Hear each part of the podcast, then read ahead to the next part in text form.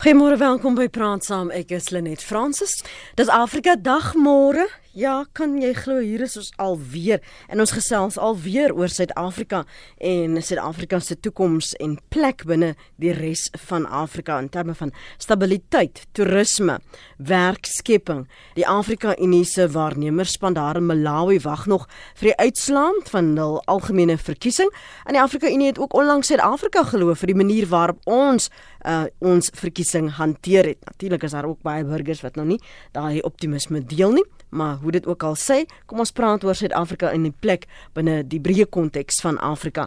Ons gesels vanoggend met Dr. Jackie Silje, voorsitter van die Raad en hoof van die Afrika Toekoms en Innovasie by die Instituut vir Sekuriteitsstudies. Goeiemôre Dr. Silje.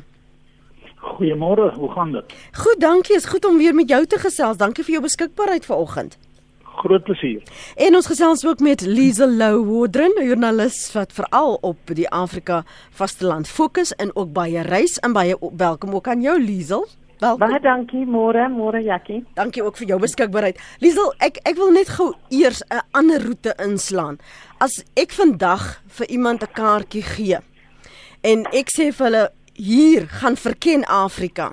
Wat sal die persepsies wees wat ek hulle al sal moet oortuig van en konfronteer en dan vir hulle sê maar hierdie is die juwele. Waar begin jy?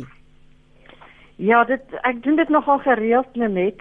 Ek wil ook net voor ek begin praat sê ek werk ook by die Instituut vir Sekuriteit ja, ja, saam met natuurlik.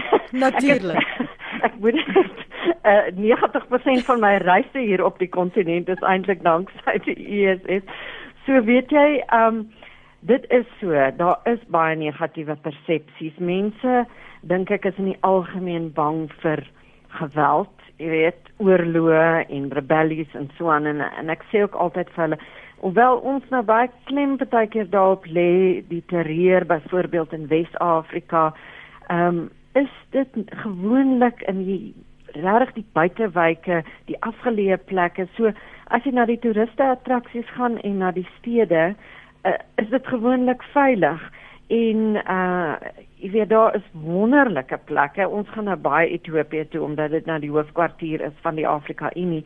Maar Ethiopië is veilig, baie interessant, baie interessante kultuur. Daar's ook antieke uh jy weet um, monumente by Lalibela en sulke plekke maar selfs net in Addis Ababa dis is 'n absolute fascinerende stad met wonderlike koffie ek dink ek en jy het al daaroor mm, gepraat mm, mm. en dan aan die ander kant van die kontinent is 'n plek soos Dakar waar die ESS ook 'n kantoor het waar dit is op die see daar's fantastiese hotelle die kultuur in Wes-Afrika jy weet dit is vir my besonder omdat mense daai kleurvolle drag en musiek en so aan net wat jy nou nie eintlik op ander plekke kry nie. So jy weet daar is baie negatiewe persepsies. Dit is ook redelik duur. Uh jy weet um, ons lugredery vlieg nou nie meer oralste nie en jy vir dieselfde prys kan jy Parys toe vlieg amper as om Dakar toe te gaan, maar dit is regtig die moeite werd. Jy sou so jy vir 'n uh, toerist byvoorbeeld kan uitwys en sê hierdie is miskien vir Jakkie liewer vra jy het ons al veel ouer as jy ook. Ehm um, Jakkie, as jy nou vergelyking tref van hierdie sou meer die moderne Afrika nou wees, ehm um, meer gesofistikeerd as jy Lagos toe byvoorbeeld sou gaan of jy gaan uh, na Burundi toe wat, wat is die verskille? Wat is die ooreenkomste wat jy sal raakloop? Ehm um, net uh, um, daar da is baie. Jy weet Afrika is so verskillend. Dis so Suid-Afrika jy weet. Jy het Suid-Afrika jy het vanaf uh, Port Elfrid tot uh, Johannesburg Kaapstad um, Durban en en Suid-Afrika is verskillend. Ons het verskillende kontinente in een land. En dieselfde is maar in in in Afrika. Uh, byvoorbeeld, um, ek het 'n kollega van my wat in Lagos, uh, sy is met 'n Nigeriër getroud. Sy sit en werk in, in Lagos vir my ehm um, Elise ken haar en sy geniet Lagos vreeslik. Ehm um, ek sukkel in Lagos ehm um, ehm um, en uh, ek verkies byvoorbeeld Abuja, maar mm. Lagos is 'n uh, dis 'n absolute dinamiese stad. Ehm um, en as jy as jy uh, beide ek en Liesel gaan nou jaar na jaar reis ons. Ehm um, en as jy die ontwikkeling sien in Afrika, dit is absoluut ongelooflik. Die ehm um, ek het uh, seker 25 uh, jaar 30 jaar gelede vir die eerste keer Addis Ababa toe gegaan. En as ek vandag Addis Ababa byvoorbeeld vergelyk, mm. Addis is uh, dink ek die vinnigste groeiende stad in die wêreld. Ehm um, dit is nie jy jy kan dit amper nie vir iemand beskryf nie. So daar is uh, daar's baie probleme in Afrika, maar daar's geweldige dinamiek en omdat Afrika so 'n jong bevolking het en sy ekonomie so vinnig groei, is die verskille van jaar tot jaar uh asemrowend.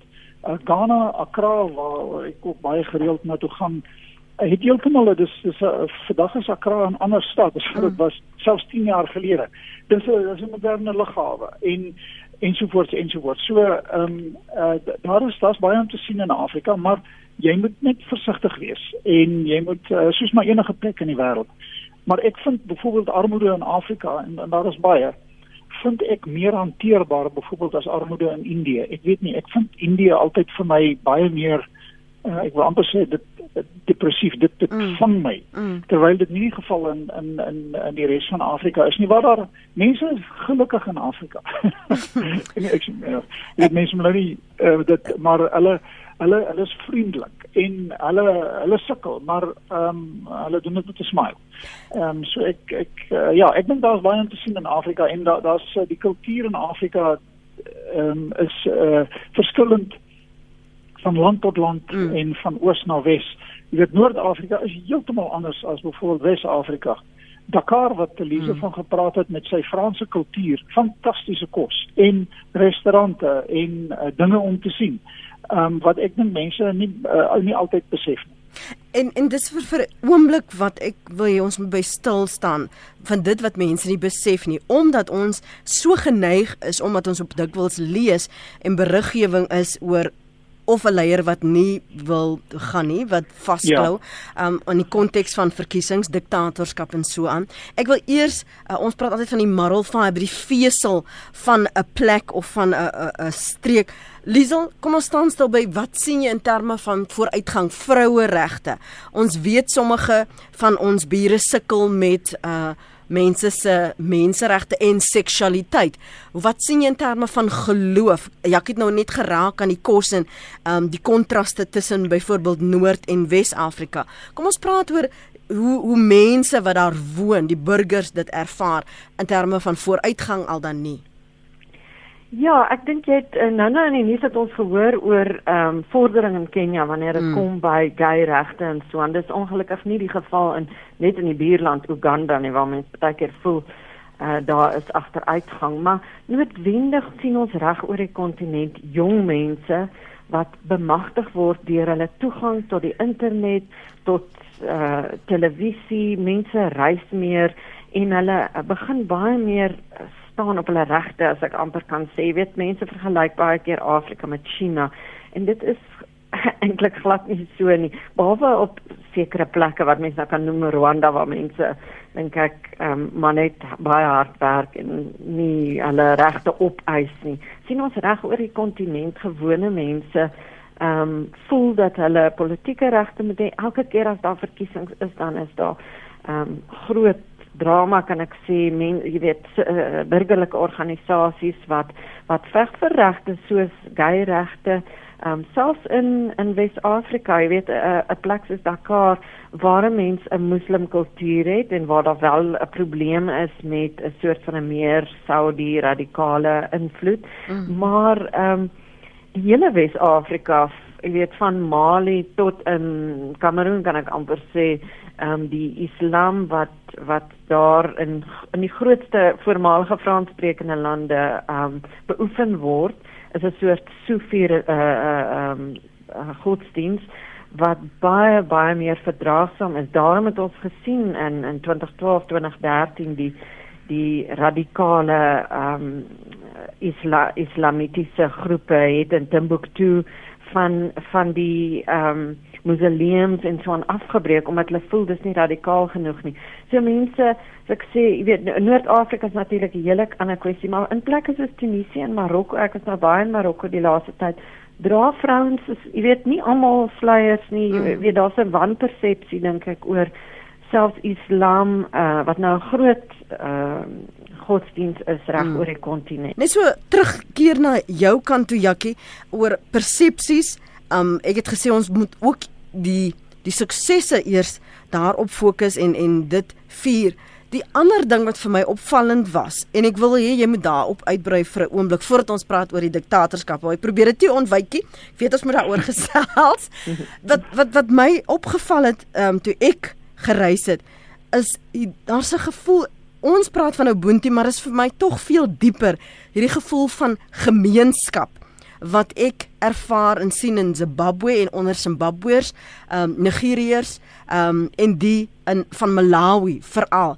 Veral ook wanneer hulle hier in Suid-Afrika woon. Die toegewydheid om mekaar te help en te ondersteun en by mekaar te kom sodat ons nie voel ons is enkelinge nie en ver verwyderd van ons mense nie. Dit is wat my elke keer opval. sien sien jy dit in die res van Afrika of is daar iets in daardie lande wat uitsonderlik is? Nee, ek dink dit is dit is maar deel van ehm um, dit, dit is nie eenkant deel van meer dat die tradisionele kultuur. Eh, dit is aan die een kant uit 'n ontwikkelingsperspektief is dit simptomaties van ehm um, uh, ontwikkelende lande. As jy ehm um, uh, 100 jaar gelede teruggegaan het na die meeste Europese lande, sou jy dieselfde ervaar, dink ek. Ehm um, uh, so in my opinie uh, is da, daar is natuurlik kulturele en ander verskille. Mm. Ehm mm. um, maar uh, hierdie gevoel van ehm um, eenheid van van uh, commitment en en, en ubuntu en so aan. Uh, dit is uh, ek sien dit baie keer minder as uh, Afrika spesifiek as meer 'n uh, uh, weerspieëling van van 'n ontwikkelingsvlak. Want so samelewings ontwikkel beweeg hulle van 'n gemeenskaplike oriëntasie na 'n individuele oriëntasie nou party gemeenskappe doen dit op 'n ander manier uh, as as ander en uh, daar is definitief 'n gevoel van uh van ubuntu van saamstaan maar dit dit is uh dit verskil byvoorbeeld in Kenia is dit baie etnies georiënteerd. Mm. Ehm mm. um, daar jy weet uh, maak dit baie saak van wat se van wat se uh, tribe as jy wil hulle van praat jy van jy van jy van kom. Ehm um, dieselfde geld tot 'n mindere mate in in Zimbabwe en in Suid-Afrika is die verhoudings baie die ehm um, trekarbeidersstelsel het baie skade gedoen aan baie van hierdie ehm um, van hierdie vesel wat jy van praat. Mm. Ehm mm. um, maar uh vir vir my primêr is dit uh ek dit verander soos wat samelewings ontwikkel. En ek dink dit is ook iets wat wat mense in gedagte in gedagte moet hou. Vir vir baie lank was Suid-Afrika gesien as hierdie wonderlike plek van nuwe begin en ons het gesien die staat het dit bietjie afgeskuur die die vernis is bietjie afgekom. Ja. Ehm um, waarom skryf jy dit toe? Want ek weet daar was hierdie entoesiasme, maar ek het nou al dikwels die skeptisisme gehoor en dink julle dink julle is so kwaai, maar kom ek gee skool gou vir julle 'n bietjie.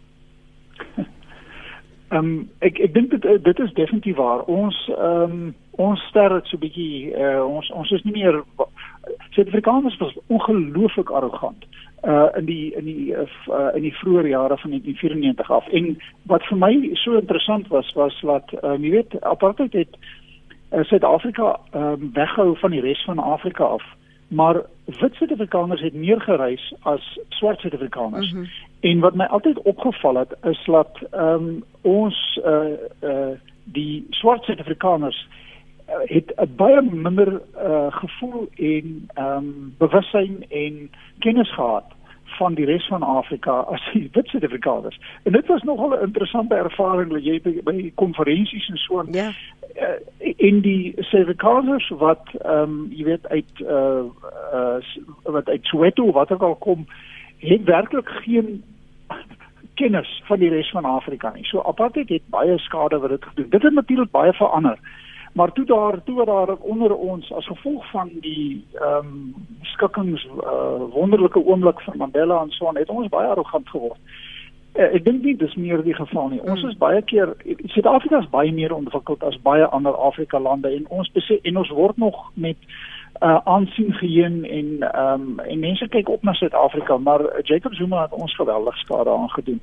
Uh en ons skiet onsself telkens in die voet want ons probeer baie keer kompenseer vir ons verlede deur we, we try and be more african than we are en jy sien dit baie keer uh, dat die dat Suid-Afrikaanse diplomate probeer hulle hulle probeer bewys mm. hoe Afrika georiënteerd hulle is, jy weet, en hulle sal vir iemand soos eh, Bashir uitnooi na Suid-Afrika toe net om 'n punt te maak mm. oor hoe hoe ons nou staan saam met ons broers en susters van die res van Afrika. En die broers en susters van die res van Afrika kyk na ons en dan sê hulle, "Yes, like julle ouens, ehm um, jy weet, uh, ons weet julle is deel van ons. Julle hoef dit nie so so in te vryf nie." Mm. so dit, is 'n interessante ervaring wat ek net 'n paar keer gehad het gegee daai konteks Liesel, hoe is die African Renaissance van van Thabo Mbeki binne daai konteks destyds te ontvang? Ja, ek dink uh, dit was 'n heel ander era aan die begin van die 2000s. Afrika se uh, instellings, as ons nou praat môre is Afrika mm. Ons nou eintlik die ehm um, begin van die organisasie van Afrika in 1963 begin, maar Afrika se instellings was baie swak en het eintlik iemand soos 'n bietjie gehad uh ek sê einde 90er jare 2000 hy het ook 'n uh, hele ander um houding gehad. Partykeer miskien nie genoeg soos Jackie sê die morele kompas daar gestel nie en en baie keer sit van agter geskel wanneer ander lande wanneer dit kom by SADC en so aan. Maar hy het definitief ehm um, twee goed gedoen dink ek 'n strategiese bondgenootskap gesmee met Afrika se groot state soos Nigerië en Algerië en Egipte en so aan Senegal teenoor mindere mate en hulle het toe nou Ehm um, die Afrika Unie uh is in 2002 gestig. Mbeki was die eerste voorsitter. Hy het 'n klomp veranderinge gemaak en 'n groot impak gehad dink ek. So jy weet, daar was daar daar was daai positiewe rol wat hy gespeel het, maar ook ehm um, dink ek op 'n baie dieper vlak die instellings van die Afrika Unie probeer hervorm het, goed soos Netwerk, goed van hulle was meer suksesvol as ander. Mm maar ons sien eintlik nou weer daar's 'n poging om die Afrika Unie te hervorm. Uh so die Afrika Renaissance was ek sou sê 'n uh, bietjie van 'n romantiese idee, jy weet, ook die biblioteek in Timbuktu herstel en so aan bietjie het nog altyd, jy weet, hy was 'n bietjie van 'n dromer en baie idealisties en hy kom die Afrika Renaissance, mm. maar op 'n konkrete manier dink ek was daar positiewe dinge gedoen, veral wanneer dit kom by die instelling soos die Afrika Unie. So so terwyl ehm um, Nkosazana Dlamini Dr. Nkosazana Dlamini Zuma daar was, mm. het sy werklik want ek onthou toe sy klaar gemaak het, was daar soveel bespiegeling en en teenstrydighede oor het sy werklike impak gemaak. Liesel? Ja, dit is so. Ehm um, sy was net daar vir 4 jaar, eintlik so of 3 en 'n half jaar want haar verkiesing het so lank aan uitgereik. Daar's baie omstredenheid. Sy moes eintlik in haar eerste paar maande van haar termyn half opmaak vir al die probleme rondom hoe sy verkies is. Suid-Afrika is beskuldig daarvan dat ons al wou deurdruk dat ons ander lande omgekoop het om vasstemme te kry ensovoorts. Maar da, sy het tog uh, op 'n institusionele vlak as mens nou daar in Addis Ababa met die mense by die Afrika Unie praat, het sy uh, wat die institusie betref uh, sekere veranderinge gemaak wat ek dink sy ook hier in Suid-Afrika as minister gemaak het heeltemal agter die skerms wanneer dit kom by goeie mense aanstel, 'n bietjie orde bring in die syfers en die jy weet die finansies van die AI. Sy het wel, weet my grootste kritiek dink ek was teen haar is dat sy gefokus het op so baie goed dat hierdie agenda 2063 uh um begin wat die Afrika Unie nou nog gebruik maar dit is amper asof die Afrika Unie alle dinge vir alle mense moes gewees het jy weet mm. van uh, kinderhuwelike tot uh, ekonomiese groei maar dan ook vrede en veiligheid die Afrika Unie het homself dink ek amper te te dun um probeer uitrek wat wel nie kapasiteit het nie. Ander mense ja, kan kan dalk van my verskil, maar jy weet, ons het gevoel in die laaste paar jare die die Afrika Unie gaan nou eintlik weer na waar hy eintlik definitief 'n bydrae het om te speel en dit is wanneer lande nie demokrasie ehm um, uh, weet demokraties is nie en diktators en wanneer daar groot oorloë is dan kan die Afrika Unie op troepe stuur of bemiddeling, uh, waarnemers na verkiesings. Hy doen dit nie altyd baie suksesvol nie, mm. maar dit is amper sy kan ek sê core business. En en gepraat van daai core business, jy het net nou genoem daar's dalk 'n uh, hervorming wat nodig is. Die die relevantie daarvan in in in 'n konteks wat ons fokus op vooruitgang Jakkie veral as jy praat van die kritiek oor uh, Omar al-Bashir oor uh, Robert Mugabe wat byvoorbeeld so lank um regeer het in in Zimbabwe dat daar nooit wanneer daar probleme was dat dit nooit aangespreek is nie. Is dit omdat die fokus te wyd was dat dit nie um vernou het en gesê het maar hierdie is die kern wat ons wil hê ons moet vir die volgende 2 of 5 of 12 jaar op fokus hê. Dit is maar ehm um, dit verskil van area tot area, maar dit is ehm um, uh die, die Afrika Unie is 'n it's a it's a club of member states. So dit is ja. ehm um, uh lande wat by staatshoofde wat by mekaar uitkom en uh, mekaar ondersteun. So wat jy vir hulle vra is byvoorbeeld in die geval van Mugabe is jy vra vir hulle om een van hulle prominentste en oudste leiers um, om om hom aan te spreek en um, Afrika leiers vind dit baie baie moeilik want die die die basis van die verhouding binne in die Afrika Unie is dat uh, it's a membership club. So uh is baie moeilik om na een van jou lid lid uh, lede te gaan en vir hom te sê maar die probleem in jou land is eintlik jy. Ja. Ehm um, en en dit is uh jy weet maar mense mense dit is baie belangrik om te onthou dat as jy as jy kyk na die langtermyn tendens dan is die tendens in Afrika ekonomies, polities, demokrasie, menseregte is 'n positiewe tendens. Ehm um, en uh, toe ek begin werk het met die organisasie vir Afrika eenheid in wat in 94 daar rond was dit net 'n klomp ehm um, ehm um, diktators ouens in militêre uniforms wat daar gesit het. Vandag is die meerderheid Afrika leiers uh, op een of ander manier demokraties verkies. Daar mag dalk 'n probleem wees met die uh, verkiesings en die verkiesings is nie altyd vry en regverdig nie, maar toenemend is hulle. En toenemend vind jy dat ehm um, daar verandering uh, kom deur die verkiesings deur 'n verkiesingsproses. So uh die traject is a, is a, is definitief 'n positiewe traject. Uh en jy kan dit baie duidelik sien. So ehm um, toenemend begin die Afrika Unie ook kyk na demokrasie, menseregte en hierdie tipe dinge wanneer hulle met mekaar praat. Hmm. Maar dis baie moeilik vir ehm um, uh, 'n klub van ehm um, ja, van uh presidente om mekaar aanspreeklik te hou vir die uh, misbruike in hulle spesifieke lande en en dit is dit dit bly 'n probleem vir die Afrika Unie.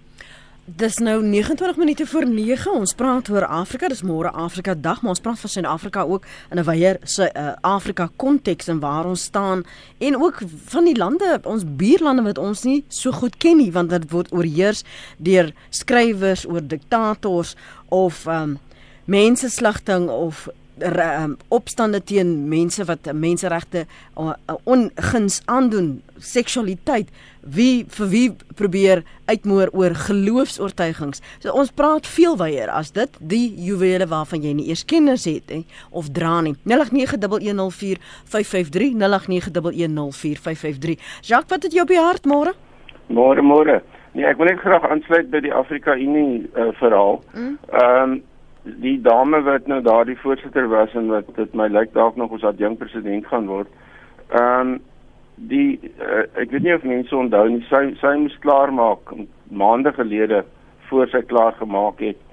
En die rede hoekom sy daar in stand gehou is was om vir Laura Kabila te beskerm dat hy nie uitgeskop word as president van sy land nie want daar was 'n transaksie wat moes deurgaan vir miljarde dollars ehm um, tussen Zuma se neef Kazebo of wat sy naam ook al is en en Kabila. Ehm um, en jy weet as dit nou Ubuntu is dan dan weet ek nou nie dan moet ek seker sê Ubuntu. Maar maar dit is die tipe van goed wat gebeur in die tussentyd is is daar streke en lande waar mense vergaan van die honger. Ehm um, en ehm um, en dan is dit maar nog steeds hierdie tipe van aktiwiteite. Mm. Dankie. Dankie Jacques. Kom ons hoor wat sê ons gaste Dr. Jackie Silje. Hy's voorsitter van die Raad en hoof van Afrika Toekoms en Innovasie by die die Instituut vir Sekuriteitsstudies.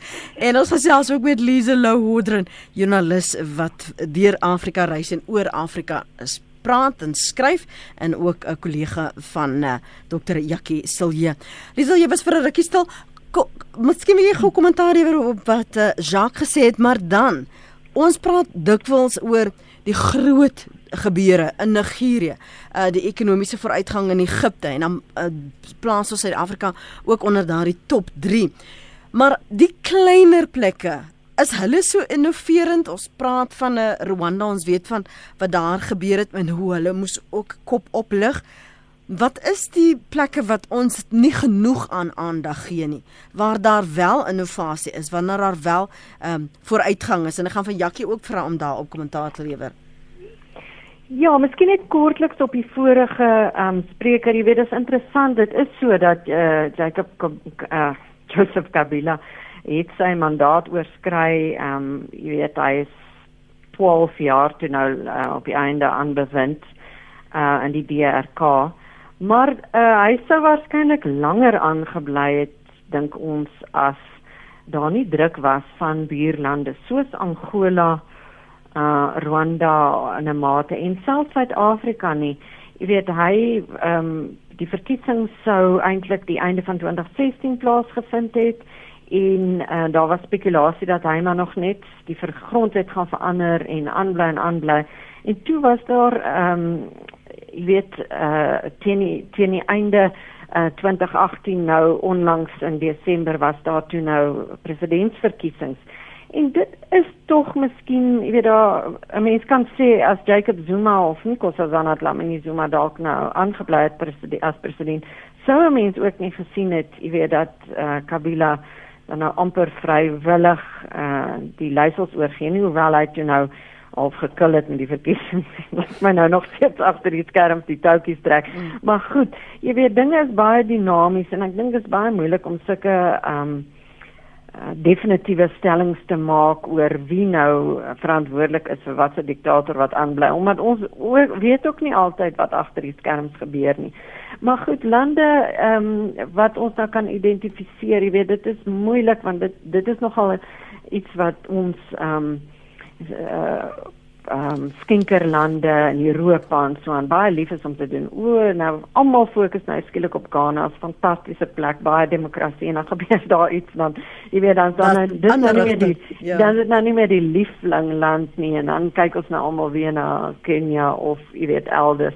Maar daar is konstant lande wat wanneer mense kyk na al die indekse van die Wêreldbank, die Afrika Ontwikkelingsbank, die Moeveram indeks en so aan wat uitstekend doen wanneer dit kom by ekonomiese groei maar ook geleenthede. Plekke soos Botswana, Mauritius is altyd heel bo aan die mm, lysie. Mm. Dit is nou 'n klein landjie, maar daar's 'n ander klein eiland landjie soos Madagaskar en so aan wat 'n uh, totale, ek weet nie, Comores wat is wat ek wil nie sê Comores is nie, maar wat regtig nie goed doen nie.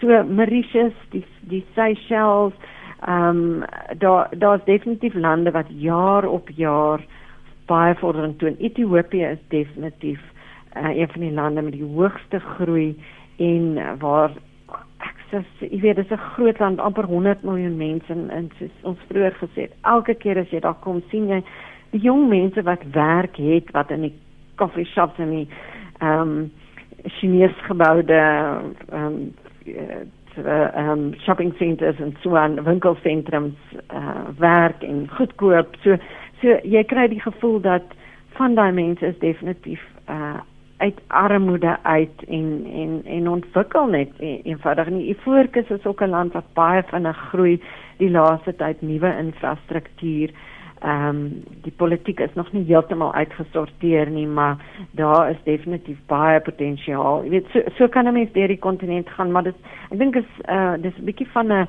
moeilike spel om te speel hmm. en te sê. Weet, ons het altyd gesê Zambia, Tansanië, fantasties. Ja, ja. Dit's uh, stabiele lande, geen oorlog of staatsgrepe nie, maar nou lyk asof die daai twee lande ek om die waarheid te sê bietjie begin sukkel. As jy praat dan van uh, Ethiopië, uh, Fokus, Mauritius, hmm. ehm mm. um, Botswana en, en so meer, Jakkie, wat kry hulle reg? En en waarom lyk dit asof daar tog 'n uh, ontwikkeling is en en vooruitgang is? Het dit te doen met die leierskap? Wat het hulle anders begine doen? Kyk leierskap is baie belangrik. Ehm um, die verskil uh, rondom Rwanda en Ethiopië wat altyd en Madagaskar uh, en uh, Mauritius en Seychelles het baie te doen met leierskap. Dit is leiers wat 'n uh, visie het vir hulle land en wat uh, hoofsaaklik fokus op beleggingsvertroue en om hulle land ehm um, uh, oop te maak vir die internasionale gemeenskap. Ehm um, en uh, en hard werk daaraan. En uh, dit is wat die verskil maak want 'n uh, buitelander uh, die die die um, die probleem is dat ons uh, al die, al die Afrika ekonomie is maar klein. So ons het internasionale ons moet beleggings uh, aantrek dat die internasionale gemeenskap kom belê. Hulle doen dit net byvoorbeeld in Suid-Afrika indien die Suid-Afrikaanse besigheid vertroue het in Suid-Afrika en aangesien Suid-Afrikaanse besigheid vir die afgelope 8 9 jaar bitter min vertroue het in Suid-Afrika, is dit geen wonder dat die internasionale die res van die wêreld nie kom belê nie. So ehm um, jy jy moet 'n uh, om, omgewing skep waarin daar ehm um, duidelikheid is oor beleid en laat uh, laat beleid ehm um, nie gaan verander nie, dat dit stabiel is. Ehm um, 'n belegger se grootste kommer is stabiliteit. Dit maak nie die vlak van korrupsie maak eintlik nie soveel saak nie. Wat baie meer belangrik is is dat dit nie gaan dat dinge nie gaan verander nie. En jy sien dit gereeld in Kenia en in Nigerië dat wetgewing word uh, verander. So kom ons sê MTN of wie ook al belêne land en dan skielik verander die ehm um, wetgewing of dan word hulle skielik uh die word is geambush met ehm um, uh, een of ander uh, belasting yeah. probleem. Ja. Yeah. jy jy kan nie dit doen nie. As jy beleggingsvertroue wil hê moet daar ehm um, voorspelbaarheid hê. En dit is amper die belangrikste voor uh voorvereiste ook vir Suid-Afrika want ehm um, beleid in Suid-Afrika en regerings ehm um, beheer verander die hele tyd in Suid-Afrika. Dis swart ekonomiese bemagtiging en uh, wat dan verander in elke paar jaar en dan is dit hierdie bedreiging en dan is dit land en so aan. En een van die grootste bydrae wat ek dink wat president Ramaphosa gaan bring, is hy gaan stabiliteit en vooruit uh vooruitskatting kan bring in terme van uh, uh van um beleggingsvertroue. Dit is geweldig belangrik. Voor um ek gaan gou eers gou vir Liesel groet, maar ek wil terugkeer na hierdie vennootskappe binne oomblikke. Maar as jy nou sekerlik 'n paar mense moet uitlig uh terwyl jy nou klaar maak na vir jou volgende vergadering Liesel, wie op, is op die radar wat ons nie van kennis neem nie. Of dit nou 'n leier is, ek weet jy het nou die hele tyd gesê hoe mal jy oor Ethiopië teesta. maar van wie moet ons kennis neem behalwe nou 'n Cyril Ramaphosa en en wat oor hom geskryf word? Ja, dis moeilik. Ek is regtig baie jammer. Ek het ek het nou gesê ek sal beloof op 'n ander plek wees. Ehm um, ja, dit dit is moeilik want die leiers uh, verander tog maar baie vinnig. Uh, mens kyk na iemand soos Macky Sall en in Dakar en Senegal wat jy weet allerlei planne met ontwikkeling gemaak het. Daar is wel, ek dink baie goeie vordering. Maar dit lyk nou asof hy ook nou half die grondwet wil verander en, en dieselfde met alles aan Watera en die Ivoorkus. Hy daar's verkiesings volgende jaar en dit lei ons is nog nie doodseker of hy gaan aanbly of nie. Daar's baie skywinge ook in in Noord-Afrika, jy weet, ehm um, ons het baie op RSG gepraat oor Algerië en Sudan hmm. en soort van Ehm um, ek weet nie, miskien het, het Jackie sekere idees. Ons sit maar nog met Paul Kagame wat nou by by verre nie 'n demokraat is nie, maar hy het baie idees rondom jong mense en om almal selfone te gee en gekonnekteer te hou en infrastruktuur en so aan. Uh jy weet, ehm um, maar dit dit sukkel man.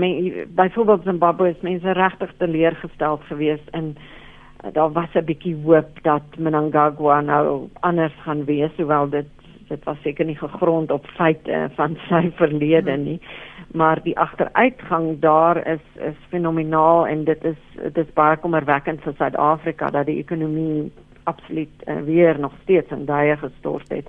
So ek is jammer ek kan nie eintlik vir jou ehm um, ander baie dinamiese leiers gee nie. Ehm um, Hage Geingob in Namibië doen goeie werk. Die nuwe president in Botswana, Masisi, weet uh, maak ook 'n klomp skuwe en en daar's relatief uh, stabiliteit maar maar maar dit is nogal baie dinamies dit dit verander nogal baie vinnig moet ek mm. sê. Liesel, dankie vir jou beskikbaarheid vanoggend. Waardeer dit. Sterkte en 'n goeie naweek vir jou.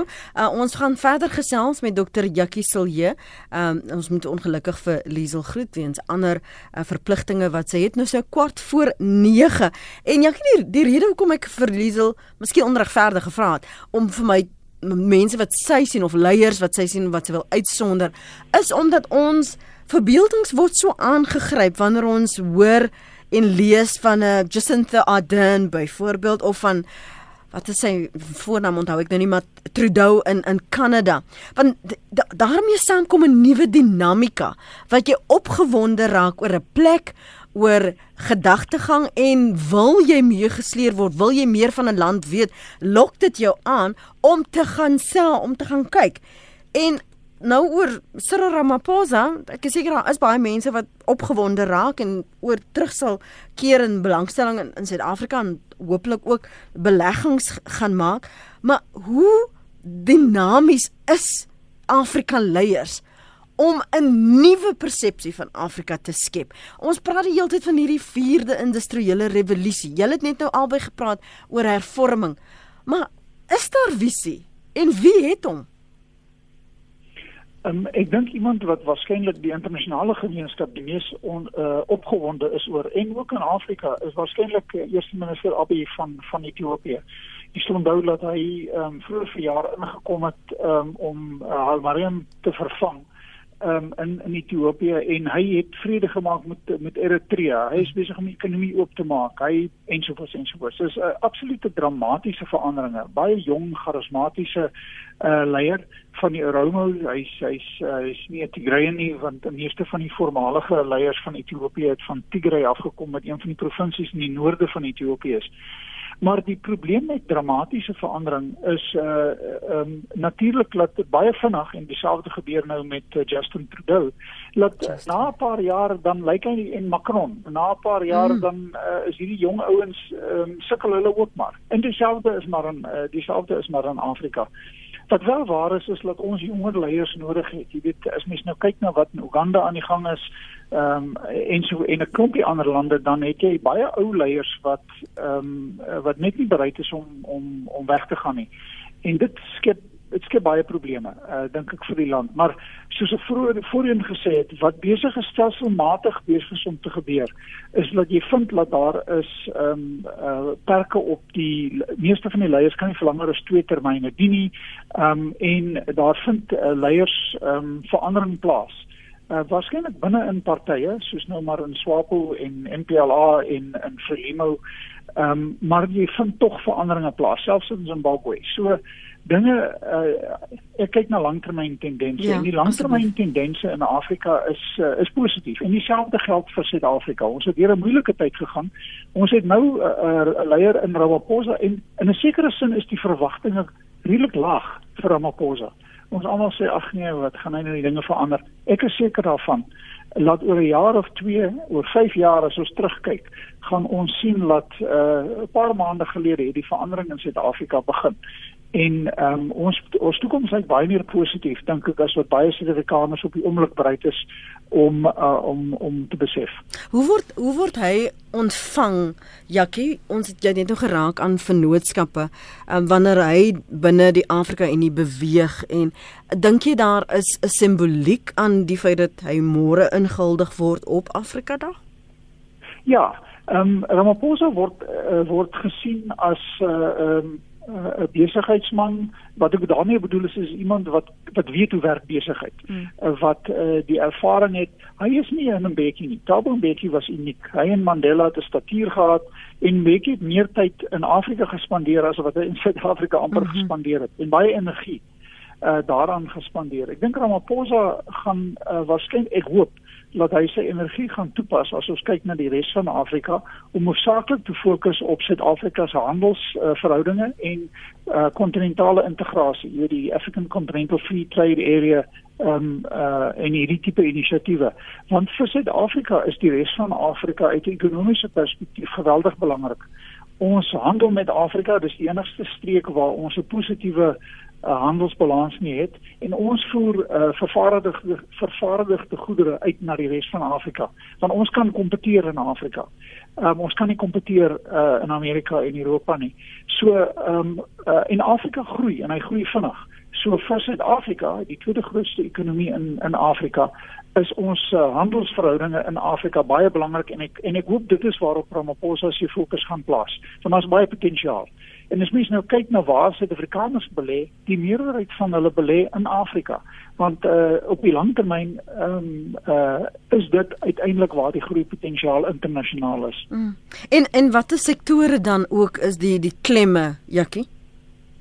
Wel vir Suid-Afrika die belangrikste uh, eerstens ons het 'n uh, Suid-Afrika is een van die enigste Afrika lande wat 'n ehm um, wat voedsel sekuur is. Ons mm. uh, ons het 'n baie klein ehm um, landbousektor, maar hy is baie effektief en ons voer uit en ehm um, ons moet ons landbou bou. Uh en ons moet hulle steun en ons moet hulle help. En tweedens is dit rondom vervaardiging. Suid-Afrika is besig om te deindustrialiseer soos maar die res van Afrika, hoofsaaklik as gevolg van die impak van China. Um en um ons moet uh, werklik ons vervaardigingsindustrie bou en hom beskerm en hom steun.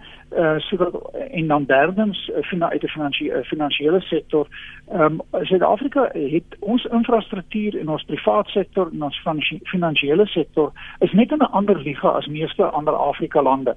En ons dien as 'n tipe van ehm um, uh, uh uh, dis 'n inkleeplek vir die vir baie ander maatskappye en lande wat in Afrika betrokke wil raak.